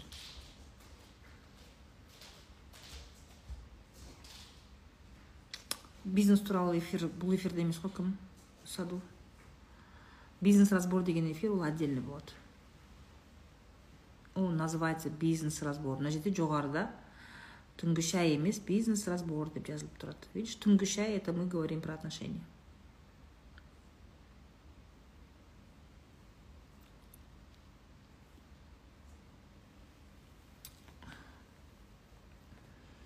қанша жаста үйленген дұрыс деп ойлайсың ба? Қыздар үйленетін күйге тиетін болсаңдар ақшалы болып аяққа тұрып күйге тиіңдер. Андай жап жасыл мұрынбоқтарың мына жерлеріңе қатып өмірде дым көрмей күйеуге тимеңдер. Это опасно для вас для вашей жизни для вашего здоровья. А, потому что сен күйеуге егер сен жап жас қыз болып ше жаңағы он жеті он сегізде күйеуге тиетін болсаң ешкім сенен сұрамайды. Сенің денсаулығың жақсы ма? Сен бала тууға организмің дайын ба? Демейді саған без конца тудыра береді. Саған үйде отыр дейді саған жұмыс етпейді сенде саған ақша бермейді. Иә саған беру керек ақшаның көлемін сами будут придумывать но бермейді саған. Может и бермейді может и береді. Ну по разному в любом случае ерте күйеуге тию сенің денсаулығыңа және өміріңе қауіпті. Сондықтан да жұмыс істеп ақша тауып өз өзіңе сенімді болып күйеуге тиіңдер. Замужем ничего нету там только бытовуха. Біреудің малайы болып жүресің сол. Если сенің ә, жігітің бытовой инвалид болатын болса онда сен малай боласың. Бізде қыз күйеуге тиген күні сол үйдегі адамдардың бәрі автоматически бытовой инвалид болып қалды. Как будто өмірі үйлерінде тамақ істемегендей өмірі үйлерін жинамағандай. Как будто бұл өмірі никогда өздерінің киімдеріне өздері қарамағандай бірден бытовой инвалид болып қалады. Ғой ол дұрыс емес қой. Осы күнге дейін қалай өзіңнің кіріңді жуып жүрдің қалай үйіңді жинап жүрдің сөйтіп жина. Тура соны істе. Нет, у нас все автоматически становятся бытовыми инвалидами. А еркекті изначально үйде бытовой инвалид қылып тәрбиелейді әке шешесі понимаешь? Ештеңе істеме өзім істеймін кіріңді өзім жуып беремін үйіңді өзім жуып жинап беремін тамағыңды дайындап беремін бәрін өзім істеймін кел отыр тамағыңды жылытып берейін мә же мә деп алдына қасықты әкеліп. Это же бытовые инвалиды господи. Ол но это называют бізге патриархат бізге осы нәрсені ана сыйластық. Сен махаббатыңды осылай білдіресің. Күйеуіңді сыйлау деген күйеуіңе махаббат беру деген осы деп айтады. Бізге сөйтіп айтады біз сол нәрсені бүйтіп не қылып жүрген да орнын ауыстырып жіберген. Махаббат сыйластық ол сөзде әрекетте. Махаббат пен сыйластық ол сөз бен әрекетте. Сенің қарым қатынасыңда ол адамға деген. Бірақ ә, адамдар бытовой инвалид болмау керек. Адамдар өзінің тірлігін өздері істеу керек. Күйеуің саған үйленгенге дейін де кірін өзі жуды ғой жусын өзі. Өз заттарына өзі жауап берсін. Үйді кезек кезек жинаңдар. Тамақты кезек кезек істеңдер. Бірге істеңдер. Баланы бірге бағысыңдар сен екіқабат болған кезде поликлиникаға бірге барыңдар. Иә бізде айтады да күйеуіңді сыйлау деген это, блядь, полное его обслуживание бытовое. Нет. Сыйлау это хорошие отношения. Все.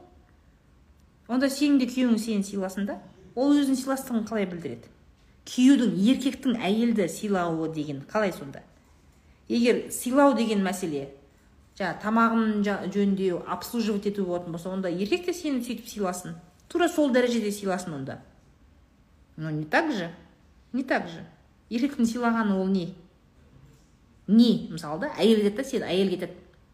Еркегіңді сыйлағың келсе мынаны істе мынаны істе мынаны істе мынаны істе дейді да. Так окей хорошо мақұл жазып алдым. Енді әйелге не дейміз мысалға да еркек еркекке айтайық енді еркек. Ал сен әйеліңді сыйлағың келсе мынау мынау мынау деген список бар ма? Жоқ қой ондай. Еркекке әйел сыйлаудың әйелді сыйлаудың әрекеттері қандай деп сұрақ қойып көріңдерші просто.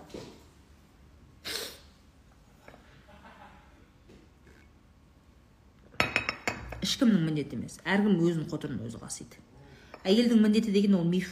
Ол еш жерде жоқ. Ол ешқандай ол исламда да жоқ.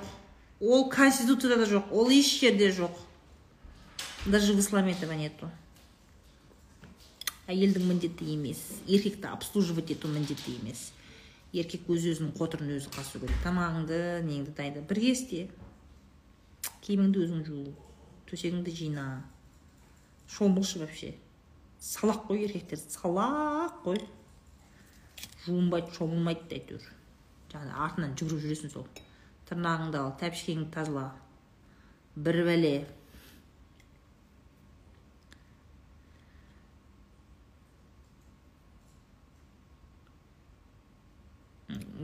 Да они говорят типа мужчины говорят если мен сені ұрмасам значит мен сені сыйлағаным охуел вообще?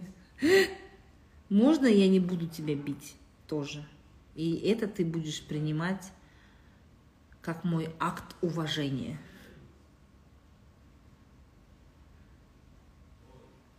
Еркектер терпеть не могу ше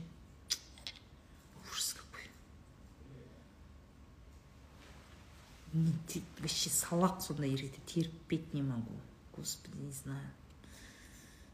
Аллаға шүкір деймін да менің енем алтын адам ғой. Бір түйір баласын қайтіп тәрбиелеген иә күніне екі рет жуынады ғой.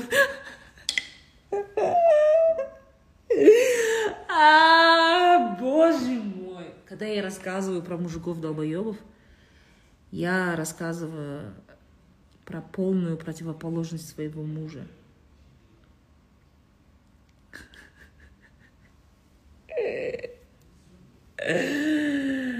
Блядь.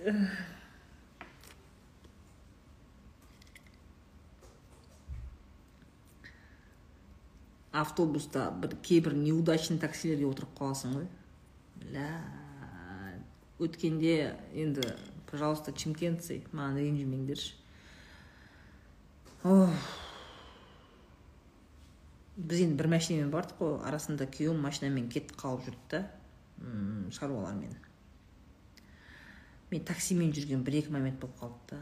Елки палки пиздец қой ана таксидің іші ше таза іші бірақ вот это вот запах запах немытого тела.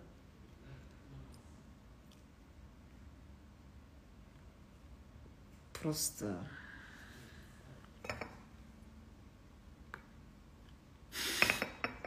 Мумбай мумбайда барған жоқпын енді мумбай сондай шығар білмеймін енді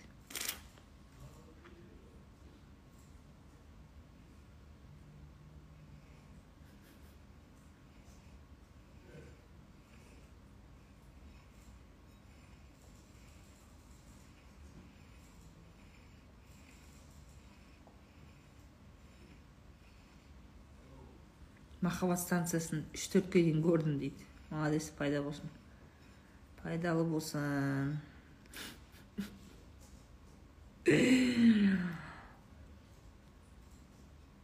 Сондай ма насиба білмеймін әйтеуір екі таксиге отырдым өліп қалайын дедім ғой терезені ашып бетімді далаға шығарып отырдым ғой.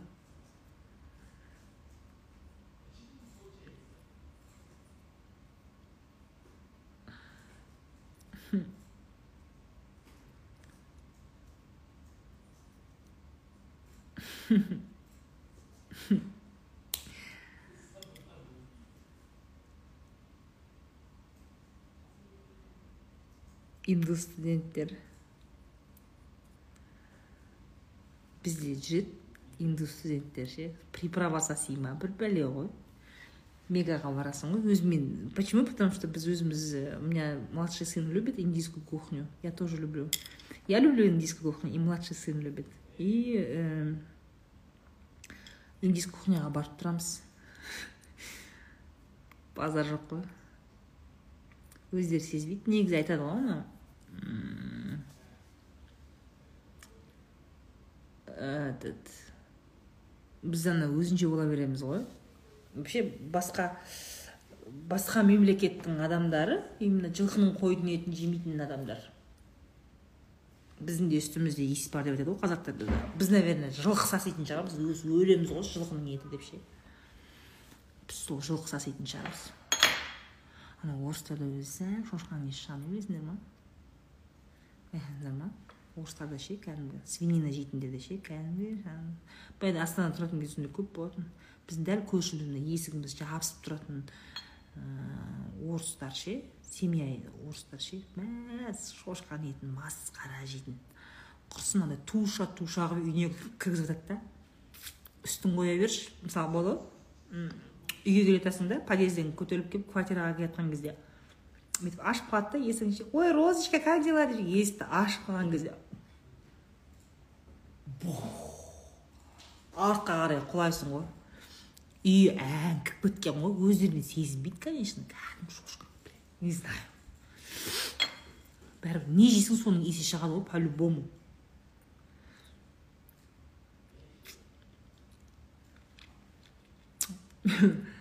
ту есігін ашпаса екен деп отырасың ғой ашып жібереді ғой үйге кіріп келе жатқан кезде ше ты то что ты ешь конечно это факт. Так что біз туралы айтады сендердің үстілеріңнен біртүрлі иіс шығады деп бір примерно жылқының иісі шығатын болып тұр ғой. Жылқының. Бізге енді өзімізге жылқының иісі деген майдай ғой құрсын өзімізге. Ана жылқының майын жылқының иісін сезген кезде. А деп ой божественный запах деп отырасың. Өзімізге майдай ғой жылқының несі ше? Басқаларға жақпайды ғой мысалы жылқының етін жемейтін мемлекеттер көп қой. Біз ғой өліп жейтін осы қазы деп ше. Жая деп өліп осы. Бүйтіп тұра алмайсың ғой уже. Ана ет алуға магазинге барасың ғой. Барған кезде мысалы допустим қуырдаққа сиырдың етіне ой қуырдаққа қойдың етіне барасың ғой примерно қарап тұрып та. Қойдың етін бүйтіп таңдап тұрасың да бүйтіп таңдап тұрасың да бір көзің бүйтіп мына бүйтіп бір көзің бүйтіп қойдың етіне қарап тұрсаң мына көзің бүйтіп қазыға бүйтіп жылқының етіне түсіп тұрады бәрібір ше бүйтіп бүйтіп. Иә мына қабырғаларын алсам жақсы болады екен иә қуырдаққа деп. Тұрсың бірақ бір көзің бұяқта бүйтіп жылқының етінде тұрады да бәрібір ше бүйтіп қазақ деген қайтпайды ғой жылқының етінен құрсын осы. Қанша анандай диетада отырамын көп жемеймін енді. Көп тамақ жемеймін. Глютен жемеймін. Енді қамыр жемейтін еді бәш деген кезде. Беш бармақ деген кезде құрсын бүкіл диета бәрі кетеді ғой ана қамырын жеп. Еттің бәрін майдың бәрін жеп артынан сорпа ішіп үф деп бірақ успокаивать анау ғой беш бармақты көрген кезде ана бүкіл әлем көз алдыңда жоқ болып кетеді просто жоқ болып кетеді просто знаешь туман в голове я вообще не понимаю что қалай опырып жеп қойғанын білмей қаласың мы казахи біздер деген ет дегенде ет дегенде бітпір ма деп артынан деп осы сұрыптап отырып өліп тұрып сорпа ішіп келсең иә түркияда жылқы етін жемейді ғой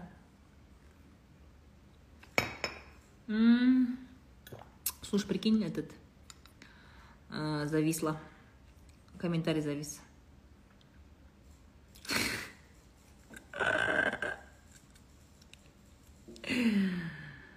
Иә. Бақсас отыр дейді.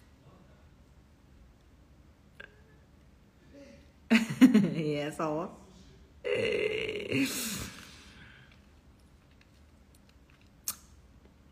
мә қойшы бір темада ұзақ сөйлесін дейді шығып кетші. Шығып кетші. Мен өзім қалаған түсінсеңдерші түсініңдерші. Бұл менің эфирім. Бұл менің подкастым. Мен өзім білемін ғой. Өзім білемін ғой. Кіммен шығам не айтам ұзақ сөйлеймін ба тез сөйлеймін ба. Менің эфирім ғой ол. Сендер қызықсыңдар сендер отырып алып мынандай не дейді бір бір на каком основании ты мне что то пишешь? Это же мое же. Это у меня вот две тысячи триста человек сидят. Это же мой эфир. Ты при чем здесь? Мен польшада тұрғанда квартирантта қыздар айлап үй жинамайтын дейді. Заттары шашылып арасында тұра беретін дейді. Знаешь ондай адамдар өте көп. Егіз балаларым бар тоғыз айлық жұмысқа шығып кеткен. Балаларымның алдында өзімді кінәлі сезінемін как быть знаешь ә, ол кінәлі сезіну ол болады болады ты с этим не борись. Кінәлі сезініп жатырмын деп енді мысалы сен жұмысқа шыққан кезде сен еріккеннен шыққан жоқ шығарсың. Саған керек болғаннан кейін шықтың мұқтаж болғаннан кейін ақшаға мұқтаж болған кейін шықтың ше мысалға? Сен бір еріккеннен от делать не хрен бір от не от веселья же вышла на работу? Ты вышла на работу потому что у тебя другого выхода не было? Я думаю когда твои дети вырастут иә өскен кезде ты им объяснишь. Осындай ситуация болды мен жұмысқа шығуыма мәжбүр болдым мен кінәлі сезінемін жақсы көремін сендерді. Бірақ менің ата ана ретінде жауапкершілігім бар. Мен табыс табуым керек. Я не могла выбрать бала туайын ба ақша табайын ба деген мен таңдау жасай алмадым. Сендердің де өміріме келгенін қаладым.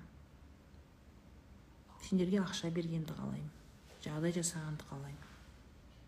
Екеуінің ортасында мен таңдау жасай алмадым мен екеуін де таңдадым. Табыс табуды да сендерді де дүниеге әкелуді. Сондықтан да мен күшім уақытым жетпей қалады. Но я вас очень люблю.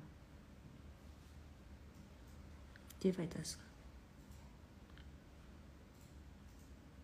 у тебя другого выхода нет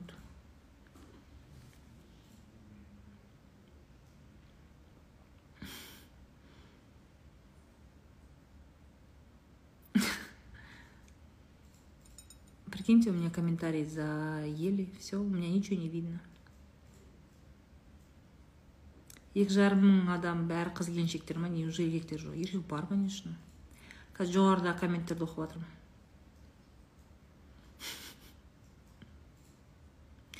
роза ханым если сердце не лежит но ради детей надо жить дейді анары бұл мәселеде анар мен саған ә, кеңесші бола алмаймын әр адам өзі таңдауын жасайды да ертең өмірінің соңында сол таңдауына жауап береді. Сен таңда анар. Сен таңдау жаса да бірақ өзің үшін сол шешімді қабылдадың ғой міне. Мен осы шешімді қабылдадым. Мен үшін осы шешім қазір маған дұрыс болды. И мен осы үшін өзімді сөкпеймін. Бұл мен үшін дұрыс таңдау. Мен үшін шешім осы деп раз и навсегда нүктесін қойды анар. Өзіңді езе берме. Кетуге шаман келмесе кетуге қорықсаң жалғыз сезінсең ешкім саған қамқор болмаса онда договорись с собой. Қалам де. Өзіңмен келіс бұл жерде сен өзіңмен келісу керексің. Ал егер шаман келсе шаман келсе жағдайың келсе сол нагрузканы көтере алсаң өзіңмен өзім болам өзімді таңдаймын өзімді қинамаймын деген сондай шешімге келе алсаң және сол шешім үшін өзің жауап бере алсаң онда оны жаса бірақ анар бүйтіп отырма мынау ма мынау ма мынау ма мынау ма деп отырма. Сол күмән мына сен шешім қабылдамағандағы когда ты вот так вот в воздухе висишь сол күмән сен түбіңе жетеді. Сен түбіңе жетеді сол. Прими решение и все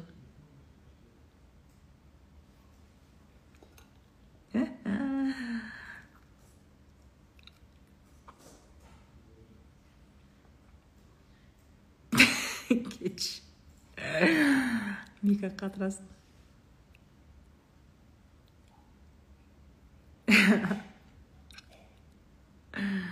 тема алып жазайық комментарий дейді жаңа тастанмын несікүл апай абысыныңыз сәлем айтып жатыр дейді рахмет мадина спасательдер жайлы айтсаңыз қалай шығамыз гүлмира знаешь спасательдер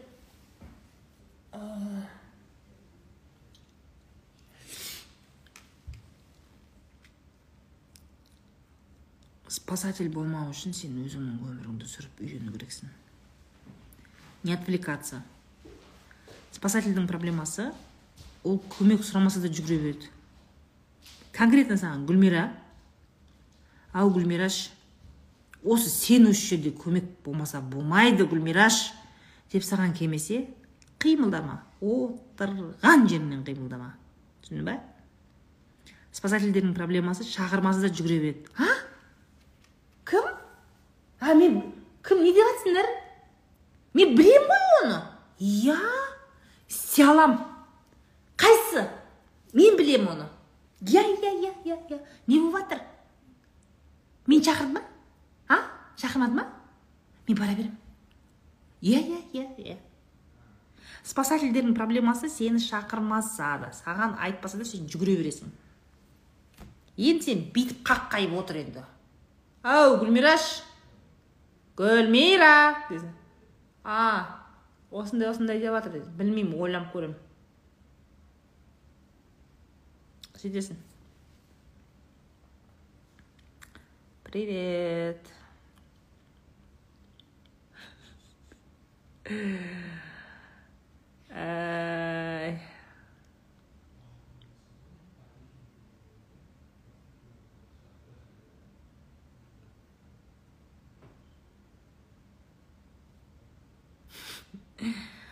Прикинь, у меня комментарии все-таки заели. анау ұлжанның комментарийінен кейін уже все ұлжан написала турцияда жылқы еті халал деп есептелінбейді деген соңғы сообщениеден кейін болды комментарий жоқ короче ой все ребят час сорок минут сидели. Инстаграмның өзі мені қуып жатыр сегодня был эмоционально очень тяжелый эфир для меня. Жаңа айтқанымдай ә, бүгін сондай ситуация болды. Меня просто довели. Меня довели меня сломали. Вот. Поэтому бүгінгі эфир осындай ауыр. Еркектер үшін де ауыр әйелдер үшін де ауыр. Настроение сондай болды енді. Барлық подкаст площадкаларіне бұйырса шығады ютубта шығады депрессияға түсіп кетпеңдер все хорошо. Мы тоже живые люди. Я живой человек. Бір күні күліп прикол ұстап отырсам бір күні өстіп қайғырып отырамын бұл да менің адами қасиетімнің көрінісі. Мен темір емеспін. Я бываю в разном состоянии в разных настроениях. Поэтому не надо идеализировать не надо думать что меня задеть невозможно. Я обычный человек. Поэтому жақсы түн тіледім сіздерге. Қайырлы түн. Келесі түнгі шайларда. Шопыр қыздың әңгімесінде бизнес разборларда кездесейік. Стористарды қарап отырыңыздар. Рилстарды қолдап отырыңыздар. Осы эфирдің астында да осы тікелей эфирдің астында сіздерден комментарий күтемін сіздерден мотивация күтемін для меня важно знать что я работаю не просто так что я в этих эфирах не сижу просто так мен үшін осыны білу маңызды потому что менде бүгін сондай нәрсе болды мен зря істеп жатырмын деген нәрсе болды